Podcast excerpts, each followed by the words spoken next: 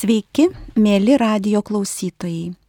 Kviečiu Jūs pasiklausyti laidos šeimos žydinys. Ja šiandieną vesiu aš, Kauno kolegijos medicinos fakulteto socialinio darbo lektorė bei paramo šeimai centro Darnus namai pozityvios tėvystės lektorė Daiva Matulevičiūtė. O mano pašnekovė šį kartą bus Joana Cironkaitė. Sveika, Joana. Labadiena. Joana, noriu pirmiausiai tave pristatyti. Tu esi vaikų ir jaunimo visapusiško lavinimo centro įkūrėja ir vadovė.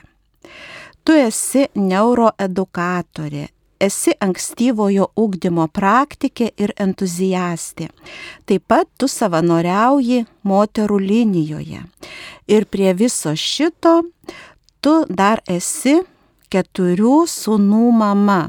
Ir kiek žinau, visi tavo sūnus šiuo metu išgyvena paauglystę. Taip, tiek daug visko ir tas mano entuzijazmas atsiradęs su vaikais, va taip ir keliauja su manimi. Dabar galėčiau jau save pristatyti, kad esu ir paauglių entuziastė, nes man labai įdomu, kas su jais vyksta ir kaip būtų galima su jais keliauti toliau. Labai puiku. Ir šios dienos pokalbio tema tai yra vaikai ir ekranai. Bet pirmiausia, noriu paklausti tavęs apie tai, kas man pačiai labai smalsu ir labai įdomu. Kas tai yra neuroedukacija? Nes tu esi neuroedukatorė. Ką tai reiškia? Taip, tai neuroedukacija tai yra viena iš neuromokslo sričių, ieškanti atsakymų, kaip kokiais metodais, kokiais būdais galima padėti žmogui keisti jo požiūrį, mąstymą ir elgseną. Ir kaip tai padėti jam padaryti bet kuriame amžiaus tarpsnė. Tai šis rytis mane tuo ir žavi, kad anksčiau buvo kalbama, kad visa, ką mes galime padaryti vaikui padėti arba pagelbėti, tai yra ankstyvasis amžius, o dabar mokslas sako kitaip, kad bet kuriame amžiaus tarpsnėje tai yra pokyčio galimybė ir jinai būtent yra paremta mūsų smegenų gebėjimu keistis ir būti plastiškomis. Hmm. Ačiū, labai aiškiai paaiškinai. Kaip tu manai, Joana, kaip mes galime susijęti tai, ką tu pasakėjai apie neuroedukaciją, apie tai, kas tai yra, su itin svarbia mūsų laikmečio problema priklausomybė nuo ekranų? Koks čia yra ryšys? Aš turbūt pradėčiau keletą žingsnių atgal, nes taip skambėtų, kad visa bėda e, ekranuose slypi tik vaikuose. Mm. Ir kad jie yra tarsi priklausomi, jie negali nuo jų atsiplėšti, jie juos per daug naudoja, tai kenkia jų sveikatai, miegui, mytybai ir visam kam. Tačiau pradžių pradžia yra tėvai.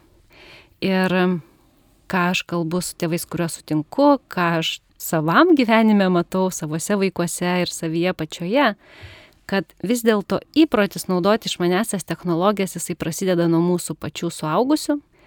Ir mes patys, grįžtant prie neuroedukacijos, mes patys visų pirma, kaip tėvai, kaip sąmoningi žmonės, turėtumėm bandyti ieškoti būdų keisti savus įpročius, nepaisant mūsų amžiaus, nepaisant mūsų išsilavinimo ir gebėjimų nes ir mūsų smegenys yra plastiškos tiek įsitraukti išmanesias technologijas, tiek ir ugdyti visai kitus įgūdžius, tai yra atitolinti nuo jų tiek save patį, tiek ir savo vaikus. Hmm. Jana, kaip tu manai, kas tai yra mobilusis telefonas ar planšetė vaikui? Kokius vaiko poreikius tenkina? Jeigu mes paklaustumėm vaikų, kurie jau kalba, tai jie pasakytų, kad tai turbūt yra ir geriausias draugas, ir priemonė pamokoms ruošti, ir susisiekimo įrenginys. Ir jie būtų teisūs. Jeigu mes paklaustumėm trimečio, pradėjusio tik kalbėti, tai jisai greičiausiai tą įrenginį jisai susijętų su žiūrima informacija, YouTube kanalu filmukais arba šviečiamojo pobūdžio informacija, jeigu tėveliai tokią duoda. Jeigu vaikui yra dažniausiai jungiamos lopšinės telefone, kas irgi, na, savotiškai liūdna, kad mamos ne pačios dainuoja, bet naudojasi tuo pačiu telefonu ir, ir kito žmogaus balsu, tai jisai pasakytų, kad ten yra įrenginys, kuris jį užmigdo. Tai kas tai yra, turbūt priklauso irgi nuo kiekvieno vaiko, kiekvieno suaugusio, kaip jisai galėtų apibūdinti, mano nuomonė, tai taip, tai yra priemonė savotiškai lengvinanti mūsų gyvenimą, mūsų būti, duodanti susisiekti su giminaičiais, artimaisiais esančiais toli, kurių negalime apkabinti gyvai. Tačiau tuo pačiu tai ir yra tas įrenginys, kuris keliantis smalsumą gali šiek tiek ir pakoreguoti mūsų elgseną bei gyvenseną. Hmm. Ką tu, Joana, manai apie tėvus, kurie prie ekranų net ir labai mažučius vaikus mygdo, maitina, kurie paduoda visai mažam vaikui mobilų telefoną ar planšetę tam, kad jis nustotų verkti, kad jis nurimtų, kad jis ramiai pabūtų ir tėvai turėtų patokvėpio ar laiko savo.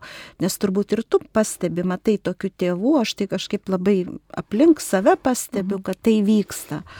Ką tu manai, ką jie čia daro vaikui, ar čia iš tikrųjų yra gera vaikui? Aš gal pradėsiu savo pavyzdžių, kad ir aš esu tarpę tų tėvų, a, kur kartais, jeigu iš ties esu pavargusi ar kažkokių darbų nespėjau pasidaryti darbose ir juos parsinešiau namo, tai kad man juos pavyktų atlikti, nu, tai kaip mes neretai elgiamės, sakom vaikam, gerai, dabar yra tavo laikas prie kompiuterio mm. ir maždaug tu jame būk. Ir mano vaikai jau yra dideli, jie yra paaugliai, tačiau tai netima tos atsakomybės nuo manęs kaip mamos, kad aš pati vaikams į rankas įduodu iš manęs tas technologijas. Mm. Ir savotiška turbūt yra saviapgaulė, kai mes sakome, kad mano vaikas kitaip nevalgys, jeigu aš jam neįjungsiu filmuko. Taip. Mano vaikas kitaip neužmigs, jeigu aš neįjungsiu lopšinės. Mano vaikas kitaip nenurims arba nesulauks eiliai pas gydytoją, jeigu aš jam neįjungsiu filmuko. Jisai kitaip lašelinės neduos, kad jam sulašintų, jeigu jisai guli ligoninėje. Tai aš manau, kad tai yra savotiškas mūsų silpnumas pačių, kaip tėvų. Ir taip ne visai sąžiningas atsakomybės perkelimas ant vaiko. Nes mes mm. patys naudodamiesi tą galimybę, jiems duodame įrenginį, o po to po daugelio metų sukame galvas, kaip iš jų tai atimti. Tačiau visuose žaidimuose, visuose informacijos šaltiniuose, tą, ką mato išmaniajame įrenginėje vaikas, jisai patiria malonumą. Ir jis patiria begalinį malonumą, kuris yra priimtas, suprastas, kuris yra, jeigu paauglys bendraminčių, būryje, ir jo nekritikuoja tenais niekas, jisai tenais gali žaidimą spausti 15 kartų ir pakartoti, ko gyvenime jis negali. Ir mes patys matydami tą vaiko įsitraukimą į žaidimą, kažkodėl tais bijome to sustabdyti. Bijome, pavadinkim taip liaudiškai, ožių, bijome jo pykčio priepolio ką kaimynai pagalvos, ką žmonės gatvėje pagalvos. Ir taip, bijodami vaiko reakcijos, normalių ir natūralių jo emocijų, viską pakišam, paslepiam po telefonu, o po to nežinom, ką daryti. Hmm. O atsakymas juk aiškus - būti su vaiku, bei išmanio įrenginio kontakte, bendrystėje. Ir juk vaiko savireguliacijos mechanizmas, koks jisai dar? Jisai vienoks ankstyvajame amžiuje, kuris tai iš vis nesupranta, kaip nustoti žaisti, kaip atsitraukti ar ne. Paauglystėje jisai dar kitaip jis nori ir nuo tėvų atsiskirti ir būti nepriklausomas. Jisai dar stipriau nori pakeisti mus išmaniojų įrenginių, kurį mes prieš tai davėm patys. Tai mano matymu ir supratimu tik tais valingas tėvų elgesys ir noras bendrauti, kurti bendras taisyklės, bendrus papročius, tradicijas, leisti su vaiku laiką, kad ir prie to pačio ežero, bet be telefono, na tai yra mūsų sprendimas ir tai yra mūsų rankose. Tikrai taip labai norisi su tavim sutikti ir tikėti, kad tėvai yra samoningi, bet dėja dažnai tenka viešoje vietoje stebėti, pavyzdžiui, kavinėje ar ne, užsisakius kavos ir laukiant, kol ją atneš. Aš pati nekartą esu mačiusi, kuomet prie staliuko sėdi tėtis, mama, du vaikai ir jie nebendrauja tarpusavyje, jie visi naršo savo mobiliuose telefonuose. Jie netakių vienas į kitą nepakelia. Ir kai aš žiūriu į tokią šeimą, kažkodėl visada atkreipiu dėmesį, vat, būtent į tokius mhm. žmonės, tai kažkodėl tampa labai liūdna. Liūdna toks mažų mažiausiai mhm. švelnus žodis. Mm. Ir liūdna, ir savotiškai baisu tampa, ar ne, kad mm. kas vyksta su mumis, aš praeitą savaitę darbavausi vieno Radviliškio rajono mokykloje ir su 7 klasės mokiniais žiūrėjome filmuką Uolis šiukšlynų princas, kuris buvo išleistas 2008 metais. Ir ten, kaip žmonės, na, žodžiu, gyvena išmaniosiuose technologijose, žemė į katastrofą ir kas su jais įvyksta.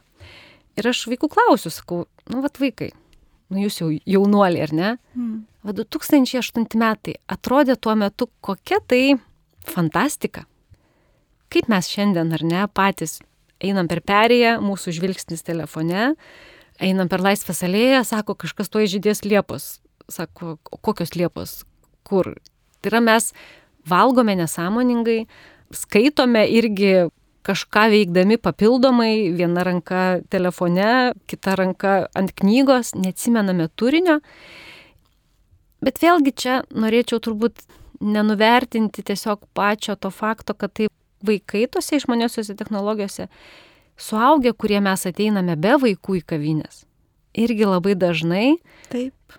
esame telefone taip. ir aš tik noriu labai pasidžiaugti, kad ne visos šeimos taip elgesi, aš irgi prieš keletą savaičių man labai patinka stebėti žmonės, mm. vienoje kavinėje, kol laukiu užsakymo, mačiau vieno Kauno krepšininko šeimą, pavardės neminėsiu, bet man toks buvo malonumas stebėti, kaip jie, daugiavaikė šeima, laukia irgi užsakymų, valgo, šnekasi ten, aš jau net nesiklausiau, nes buvo nepatogu klausytis, Taip. ką kalbat, bet tiesiog, kad jie buvo be telefonų, jie turėjo juos ant stalo, Taip. bet jie bendravo, laukė, diskutavo, kur ten maždaug ką darys.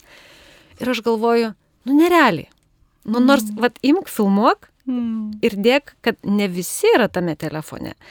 Ir ne visi vaikui sako, kad aš tau jungiau filmuką, tu dabar išsižiok ir aš tau sumaitinsiu. Man labai patinka toks posakis, kad Lietuvoje iš bado vaikai nemiršta. Ir tikrai, jeigu jis nenori valgyti, tą minutę nereikia jam įjungti nei filmuko, nei kokios edukacijos, nei muzikytės, nei Mozarto, nei Bacho. Tiesiog, jeigu jis yra nealkanas, nu nieko tokio. Išalks po pusvalandžio, jeigu tai yra ankstyvasis amžius ir mama su vaiku yra nuolatos namuose. Tai ir pati paminėjai, kad yra liūdna ir, ir, o man dar išbaisu, juk kai mes valgome, kad ir tą patį televizorių žiūrėdami, mm. ar mes jaučiame, kiek mes suvalgėme? Nejaučiame. Nelabai. Ar mes jaučiam mm. skonį? Mm. Tame pačiame kino teatre užsisakę popkornų ar surių ar saldžių. Klausimas, ar mes suvokiame, ką mes ten veikiame? Kiek mes tada turinio atsimenam, ką matome? Jeigu mūsų paklausto, kokį skonį jautėjai, tai tik tais tada ir žodynas toks atsiranda sūrų saldų. Hmm. Bet ar tu skonėjais, ar tu mėgavais tuom? Nekalbant apie tai, kad vėliau tikėtina bus ir viršsvario problemos. Ar užuodį kvapą? Ar patyrėjai kažką kito, kai tu valgiai ir jautėjai? To nelieka. Ir dėl to iš ties yra labai liūdna. Hmm. Aišku, aš suprantu, kad šiais laikais išvengti mobiliųjų telefonų, ekranų praktiškai neįmanoma, bent jau juos riboti.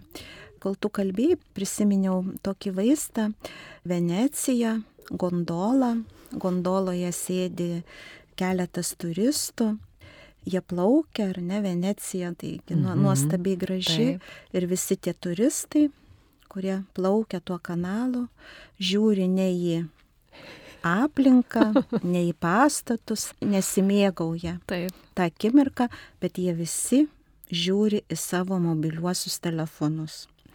Tai vad prisiminiau tiesiog, kol tu kalbėjai. Taip, ir tas momentas, va čia ir dabar. Aš tai dar norėčiau šiek tiek grįžti dar ir prie to, na tarsi irgi argumento kodėl mamos naudoja telefonus, kad Taip. tarsi užfiksuoti vaiko pirmas emocijas, vaiko pirmą sniego paragavimą, vaiko pirmą atsistojimą. Bet ką mes padarome su vaikais, mes fotografuodami ar filmuodami, ne tai, kad jau ir nutraukėme jo tą jausmą, kuriame jisai yra, arba toje pastangoje, kuris yra, bet dar ir mokome tam tikros šypsenos, tam tikro vaizdo, tam tikro elgesio prieš kamerą ir tame dinksta visas natūralumas. Mm. Spontaniškumas. Visiškai. Dingsta. Taip. Mm. Ir tu tada kiekvieną kartą galvoji, kad kas čia mane fotografuoja, kaip aš čia turiu atrodyti, ar ne, kaip aš čia turiu šypsotis. Ir ką mes pastebime ir tose socialiniuose tinkluose, nebelieka tikro gyvenimo. Juk kokie tobuli ten visų vaikai. Taip. Kokie tobuli namai. Aš nežinau kaip tu, bet pas mane yra ir dulkių, ir indai būna neplauti. Aš to irgi nenoriu dėti į viešą erdvę, bet rodyti vien tik tais rožės irgi taip masina, bet ar tai yra sąžininga tų, kas žiūri tave, kas stebi. Ir maži vaikai, mano vaikai, tarp kitko, visada yra prieš, kad aš juos fotografuočiau, kelčiau, tik reikia ypatingo susitarimo, kad aš jau galėčiau juos parodyti. Ir jie visada sako, mama, o kaip tie lėliukai, kurie net nekalba. Taip. Ir jų mamos juos rodo, juos demonstruoja, savotiškai uždirba galbūt ar ne, neatsiklausia savo vaikų. Tai tokie klausimai ateina ir sąmoningiam vaikam, kurie yra išmaniosiuose technologijose, jomis naudojasi, kaip ir pati minėjai, jų nevengia ir neišvengia, bet jie nėra nuo to priklausomi, nes jie gyvai bendrauja, sustinka su draugais. Tėvai jų juos atitraukia rekomenduodami po pamokinės veiklas, siūlydami sustikti su draugais gyvai arba leisdami patys tos šeimos dienas, akimirkas ar kažkokias tradicijas be išmanių technologijų. Man tai buvimas ekrane visų pirma asocijuojasi su pasivumu. Mhm. Kai aš esu įnikusi į ekraną, kai aš žiūriu į ekraną, tai aš arba guliu, arba sėdžiu, aš nejudu. Ir pirmiausia, man tai yra Mhm. pasivumas. Taip. Kokią įtaką tavo nuomonė, tavo pastebėjimais turi vaikui nuolatinis buvimas, ilgas buvimas prie ekranų? Kokią įtaką turi jo kūnui, jo protui, jo psichikai, jo emocijoms? Nes yra vaikų, kurie prie ekranų leidžia beveik visą savo laisvą laiką. Aš žinau vaikų, kurie ryte nenueina į mokyklą, todėl kad jie negali, tiesiog negali atsitraukti nuo žaidimų ir pražaidžia pusę nakties. Aš žinau berniuką, kuris sako, aš labai daug laiko leidžiu telefone ir sako, žinokit, man jau akis skauda, man pradeda skaudėti akis. Jeigu gali, tai Mhm. apie ekranų įtaką kūnui, protui, emocijoms. Turbūt galima būtų ir sugrįžti prie to momento, kad vis dėlto buvimas prie ekrano suteikia malonumą. Taip. Ir tame malonume, kas vyksta su mumis, vaikas atsipalaiduoja. Savotiškai pabėga nuo sunkumų ir problemų. Jeigu šeimoje kažkas vyksta, Taip. vaikas tarsi ir nuo to pasislėpia. Jeigu galbūt tėvai nesutarė, jisai mato, kažkiek gal save kaltina, panirti į žaidimą yra žymiai lengviau ir mažiau skausminga. Taip pat, na, mes žinom, kas vyksta, kai mes patiriame malonumą. Išsiskiria ir serotoninas, ir endorfinai gaminasi, bet kas atsitinka, jeigu mes praleidžiame per daug laiko ir netinkamai, pradeda gamintis kiti hormonai. Ir tas pats kortizolis, ir kyla aišku ir adrenalinas, ir jie ten maišosi. Ir todėl vaiką patraukus nuo ekrano atsiranda pykčio pliūpsniai, nenoras būti su kitais, kurie galbūt tau pasako tiesą į akis. Ir tarsi tave atitraukia nuo to, kur tu pasislėpiai, kur tu dingai, tą patį tenisą žaisti arba, nežinau, kvadratą, jeigu jaunesnis vaikas, arba estafetės. Kiek reikia fizinių pastangų. Taip. Ir jeigu tu dar nesi toks fiziškai stiprus, juk tu tikėtina, kad ir nelaimėsi, Taip. tai ar rinksis kažkas, kas gali prie ekrano būti nugalėtoju, mm. laimėtoju, kiečiausių kompanijoje, eiti į tą vietą, kur galbūt tu nenumesi kamulio iš tavęs juoksis. Mm. Tu galbūt užimsi antrą vietą. Ir dar tėvai pasakys, a, galėjai pasistengti. Tai yra, kad nepaskatins, kad tai yra normalu, kažkas turi užimti ir antrą vietą, ir trečią, mes galim padėti tau galbūt treniruotis, arba kažką draugė paveikti, kad sekantį kartą tau pavyktų labiau. Bet jeigu mes vaiką dar ir kritikuojam, o jeigu dar ir bambam, jeigu dar ir sakom, kad aš tai savo laikais visą dieną leisdavau laukia, mm. tai buvo tiesa. Bet vaikui tai neprideda kaip pasakykime, pasitikėjimo taškų mamai ir tėčiui, jeigu mes tik savo pavyzdžių, kokie mes buvome šaunus, o kai kurie net ir pasako, bet pažiūrėk, dabar tu pats nebesportuoji. O kodėl tu pats nesportuoji? Ar tu eini į treniruoklių salę, ar tu pats turi hobį savo? Vaikai labai puikiai kontrargumentuoja, kad mama tėti, bet ir tu dabar nebedarai to.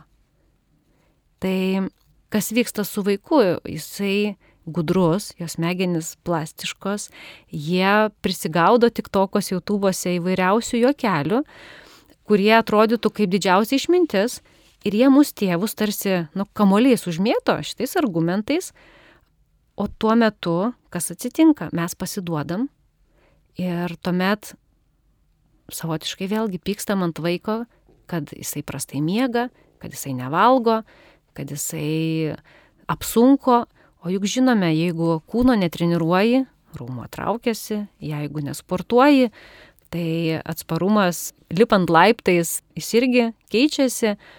Tai galvoju, kad kiek įmanoma tėvam ieškoti būdų per savo pavyzdį, per savo buvimą su vaiku, per drąsą būti tėvais, stabdyti ir mažinti tą laiką, ko tai be pareikalautų. Juk į mokyklą vaikas neišeina dėl to, kad tėvai nežino. Juk tikrai mama supranta, kad ta temperatūra sukilusi tikrai ne dėl kažkokio viruso. Kitos mamos net sako, aš tai net nematuoju temperatūros, nes neturiu laiko, man reikia į darbą nepavėluoti. Tai mes tik vaiką paliekam tokioje nemailėje, nerūpestyje ir po to tik tais bėdavojam, kad mano vaikas, nu vat, neatsitraukia nuo kompiuterio. Manau, kad didelę žalą technologijų naudojimas, buvimas prie ekranų turi ir vaiko gebėjimams bendrauti, jo socialiniams ryšiams. Žinau taip pat vaikų, paauglių, kurie nors puikiai žaidžia komandinius žaidimus mhm. ekrane, bet jie neturi įgūdžių bendrauti gyvai. Taip. Jie netgi su draugais, kai susitinka, jie nežino, ką veikti. Mhm. Tai manau įtaka ir socialiniam ryšiam, ir socialiniam gebėjimam taip pat yra gana neįgiama. Be abejo, ir tas pats akių kontaktas. Vat mes taip, dabar su tavim šnekamės, taip, mes žiūrime akis. Taip. Matom, kas šypsosi, mhm. kas susidomėjo, o kaip dabar tam tikrą informaciją palėtė. Tave aš dėmiai klausausi klausimą. Ko visiškai nelieka įrenginyje. Ir dar mokslininkai yra atlikę tyrimus kur jie pastebėjo, kad tie vaikai, kurie dažniau žaidžia agresyvius žaidimus, o čia jau tikrai yra tarp paauglių, berniukų ar ne, priimtina Taip. ir mergaitės netgi Taip. renkasi agresyves tik toko video formas, kuriuose daug patyčių. Mm. Tai būtent tie vaikai yra mažiau linkę elgtis prosocialiai. Tai yra padėti kitam, atkreipti dėmesį į kito emocijas, jausti juos, paklausti, o kaip tau sekasi, ar tau viskas gerai. Jie pabuvę toje agresyvioje formoje patys tampa mažiau jautrus netgi ir smurtui, tam pačiam kraujui, tom pačiom patyčiom, tai pačiai agresijai ir netgi savotiškai galvoja, kad, nu, vat, jeigu ten virtualiai moko siekiant apginti save naudoti agresiją, smurtą, patyčias ir panašiai, tai tarsi tai tampa norma. Ir todėl tas bendravimas jisai labai stipriai išsikreipia. Aš nedrįstu pažiūrėti į akis, nedrįstu pajaus širdimi, o puolu, ginuosi, bėgu ir vėl tada slėpiuosi tame pačiame žaidime. Taip, aš manau, kad sunerimti vertėtų ir dėl paties turinio, ar ne, dėl to Taip. virtualaus turinio, ką vaikai žiūri ir drįstų sobejoti, ar visi tėvai žino, ką veikia mhm. virtualioj erdvėjų vaikai, koks yra turinys, tų programų ar tų vaizdo siužetų, kuriuos jie žiūri, tai aš manau, čia taip pat yra tam tikro pavojaus. Ir dėl pornografijos, ir dėl Taip. smurto, dėl virtualių patyčių, dėl priklausomybių įvairių, dėl tam tikrų dalykų iškelimo, neigiamų dalykų iškelimo. Taip, ir jeigu atrodytų, kad ankstyvajame amžiuje tėvai tarsi kaip ir apriboja tą turinį, ką vaikas žiūri, e, bet aš esu kelis įkius jau pastebėjusi, kai mamos duoda trumpus vaikam YouTube vaizdus ir juk jie keičiasi vienas paskui kitą. Kur ten tas vaikas prabrauks pirštuku ir į kokį video turinį papuls, visko būna.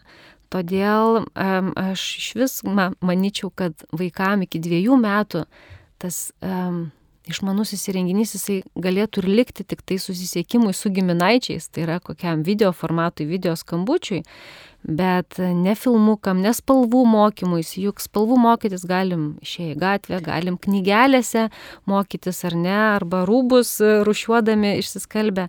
Tas pats turinys, juk labai anksti vaikai dabar susipažįsta, kaip ir pati minėjai, ir su pornografija, ir su, ir su patyčiomis, nes tas turinys jisai nėra taip jau labai nepasiekiamas ir klasiokai dalinasi, dalinasi ketvirtokai, dalinasi penktokai.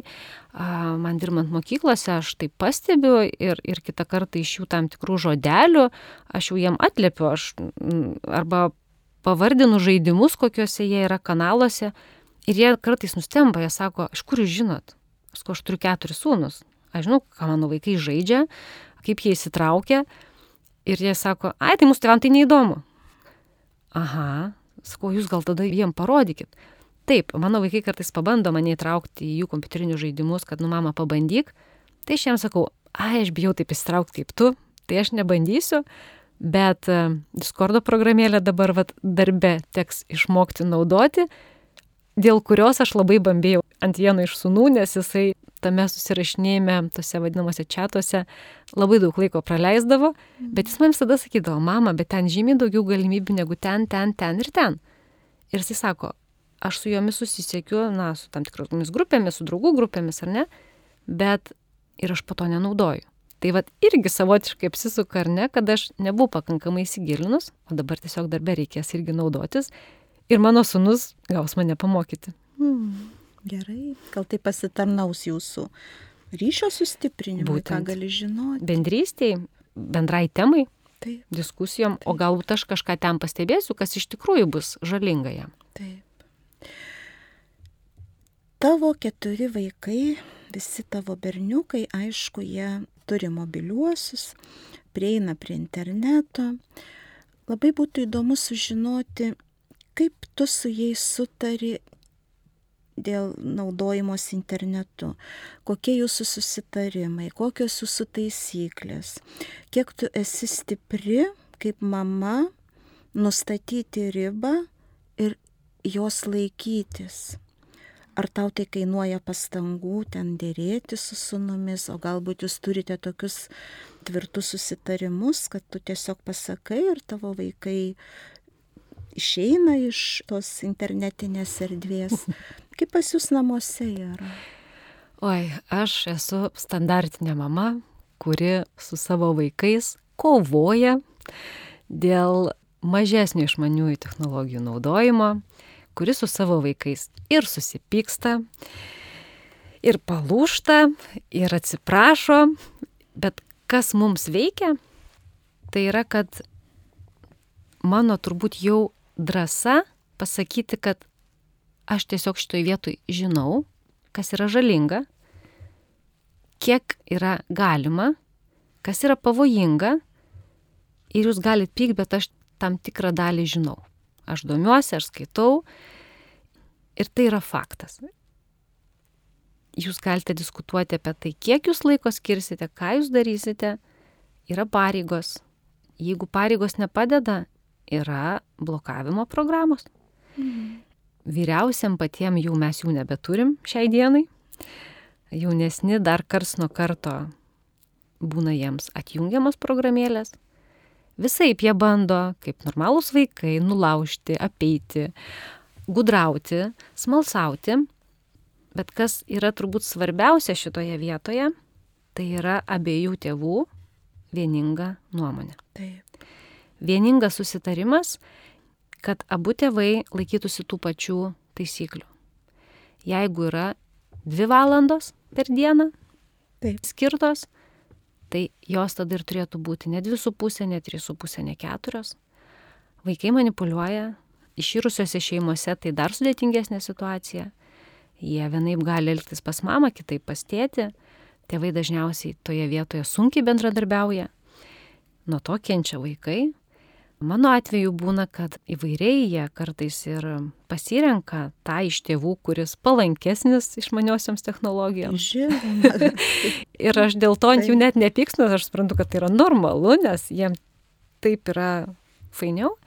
Bet kas mums yra svarbu kaip tėvams, tai vis dėlto jų mokymosi rezultatai, jų užklasinė veikla, kad jie turėtų bent jau vieną papildomą užimtumą, kad jie neapleistų knygų, kad jie dalyvautų miesto renginiuose, man pačiai yra svarbu teatrai, muzika, koncertai.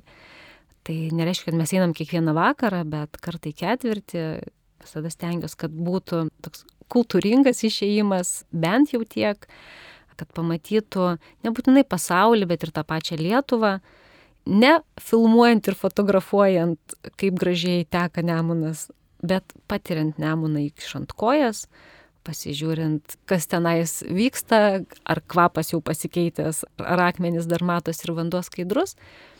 Tai yra nuolatinė mano turbūt ir didžiausia ir sunkiausia darbo sfera, tai yra būti mama, nes aš paskaitas vesdama labai gražiai galiu papasakoti, bet grįžtu aš namo į tą pačią realybę, kurią gyvena didžioji dalis tėvų. Todėl galbūt kartais man ir nėra sunku duoti ir tuos pavyzdžius savimi, kad ir aš esu ir klystanti, ir mano vaikai yra visokie.